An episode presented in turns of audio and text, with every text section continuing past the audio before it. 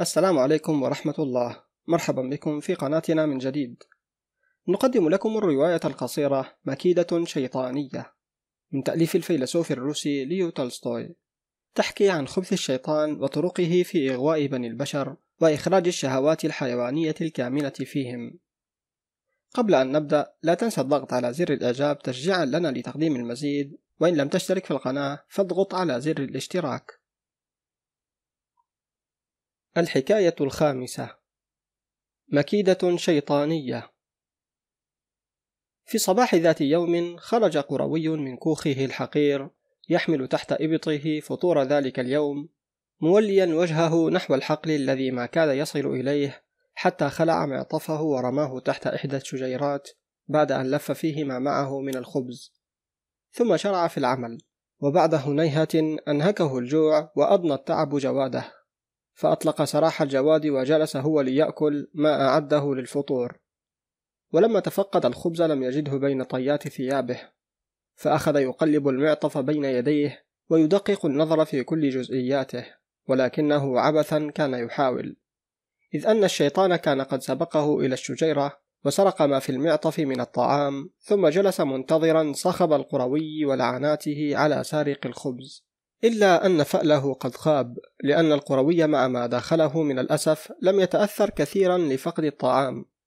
بل اكتفى بقوله ما علي لو صبرت فإن الجوع ليس بقاتلي. وربما كان الآخذ في حاجة إلى ذلك الخبز فليهنأ به. قال هذا القول وذهب توا إلى بئر قريب منه حيث أطفأ ظمأه وارتاح قليلا من نعثاء العمل. ثم عاد فأمسك بعنان جواده واستأنف العمل ثانية. أما الشيطان فقد استاء من عمل القروي إذ رآه أعقل من أن يقع في الخطيئة فأسرها في نفسه وعزم أن يخبر رئيسه بالأمر. وبالفعل ذهب من وقته إلى إبليس وقص عليه الحكاية. وكيف أن القروي لم يعبأ بفقد الخبز ولم يسخط على آكله بل تمنى له الهناءة والسرور. فما كاد إبليس يسمع ذلك حتى غلا مرجل حقده وانتهر تلميذه قائلا إنما اللوم في ذلك راجع عليك لأنك لم تقم بمهمتك كما يجب. واعلم أن القرويين إذا ابتدأوا ينهجون على هذا المنوال واقتفى أثرهم في ذلك زوجاتهم فالويل لنا نحن معاشر الأبالسة. فالأمر خطير لا يجمل بنا أن نتغافل عنه. فانقص على عقبيك سريعا وأصلح خطأك هذا.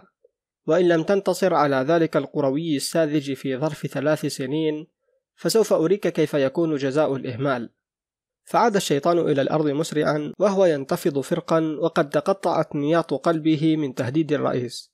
وأخذ من وقته يفكر في حيلة يوقع بها ذلك المسكين في حبائله. وأخيرا اهتدى إلى مشروع وجده كفيلا بنجاحه.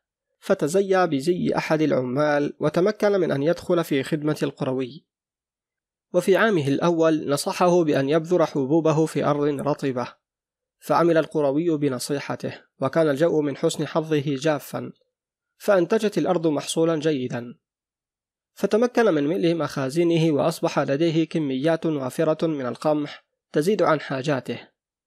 وفي عامه التالي عاد إليه الشيطان ينصحه بأن يبذر حبوبه على ربوة من الأرض.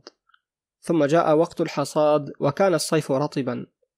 فاستفاد القروي من النصيحة وتوفر لديه شيء كثير من القمح يربو عما جناه في عامه السابق.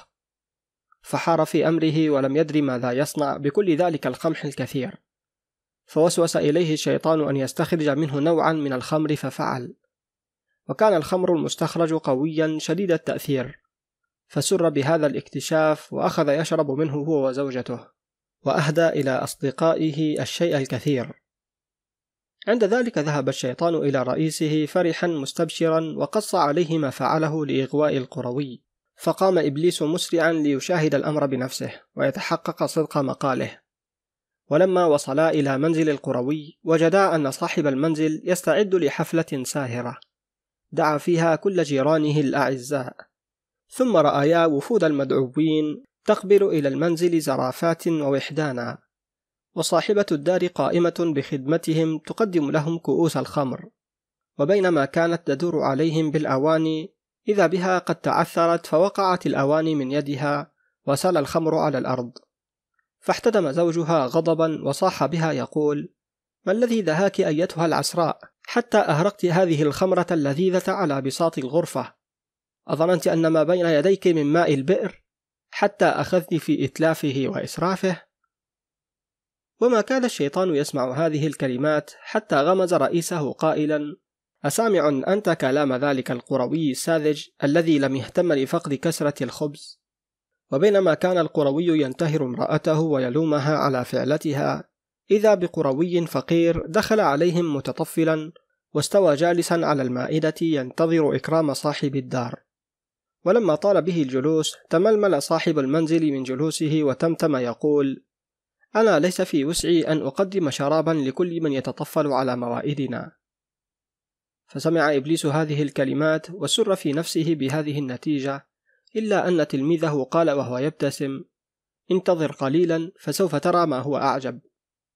وفعلا ما كاد يتم قوله هذا حتى كان القوم أخذتهم نشوة الخمر فأصبحوا يخادعون بعضهم البعض بألفاظ ملؤها الملق والرياء. عند ذلك قال إبليس إذا كان بعض الخمر يجعلهم على هذه الحال يروغون كالثعالب ويتملقون بعضهم البعض. ولكنك سوف تراهم عقب الكأس الثانية كالذئاب المفترسة ينهشون لحوم بعضهم البعض. فما أتم الشيطان هذه الكلمات حتى كان الشراب يدور على القوم ثانية. ثم ارتفعت من بينهم دواعي الحشمة وأصبحوا يتبادلون وحشي الكلام وقبيح الألفاظ.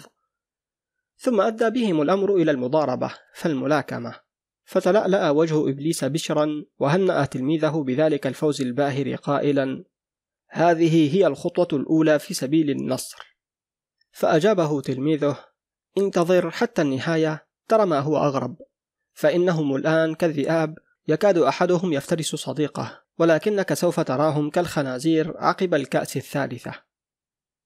عندها دارت الكؤوس عليهم مرة ثالثة فعلت أصواتهم وزاد صخبهم وأصبح كل منهم يلعن ويشتم بلا سبب ومن غير داع. وبعد برهة وجيزة انفرط عقد جمعهم وأخذوا ينسلون من مكان الدعوة جماعات ووحدانا يترنحون سكرا ويتمايلون ذات اليمين وذات الشمال. ثم ذهب المضيف إثرهم ليشيعهم ولكنه ما كاد يخطو بضع خطوات حتى تعثر في مشيته فوقع في حفرة مملوءة بالأوحال وتلطخ بها من قمة رأسه إلى أخمص قدميه. فازداد إبليس لهذا المنظر بهجة وسرورا والتفت إلى تلميذه يقول لله درك فلقد كان نجاحك باهرا وفوزك مبينا. ولكن خبرني كيف صنعت هذا الشراب؟ فلا ريب أنك أضفت إليه بضع نقط من دم الثعالب. وهذا ما حدا بهم لأن يروغوا ويتملقوا بعضهم البعض في الكأس الأولى. ثم أظن أنك أضفت إليه بعضا من دم الذئاب إذ كان نتيجة ذلك أنهم أصبحوا كالذئاب العاوية. وأخالك أتممت العمل بوضع نقط من دم الخنزير حتى أصبحوا يماثلون الخنازير عقب الكأس الثالثة. فقال الشيطان كلا فإنك لم تصب كبد الحقيقة فليست هي الطريقة. وكل ما في الأمر أني بذلت ما في وسعي لأن أجعل ذلك القروي يملك حبوبا أكثر مما يحتاج إليها فالإنسان يجول في عروقه دماء الحيوانية على الدوام.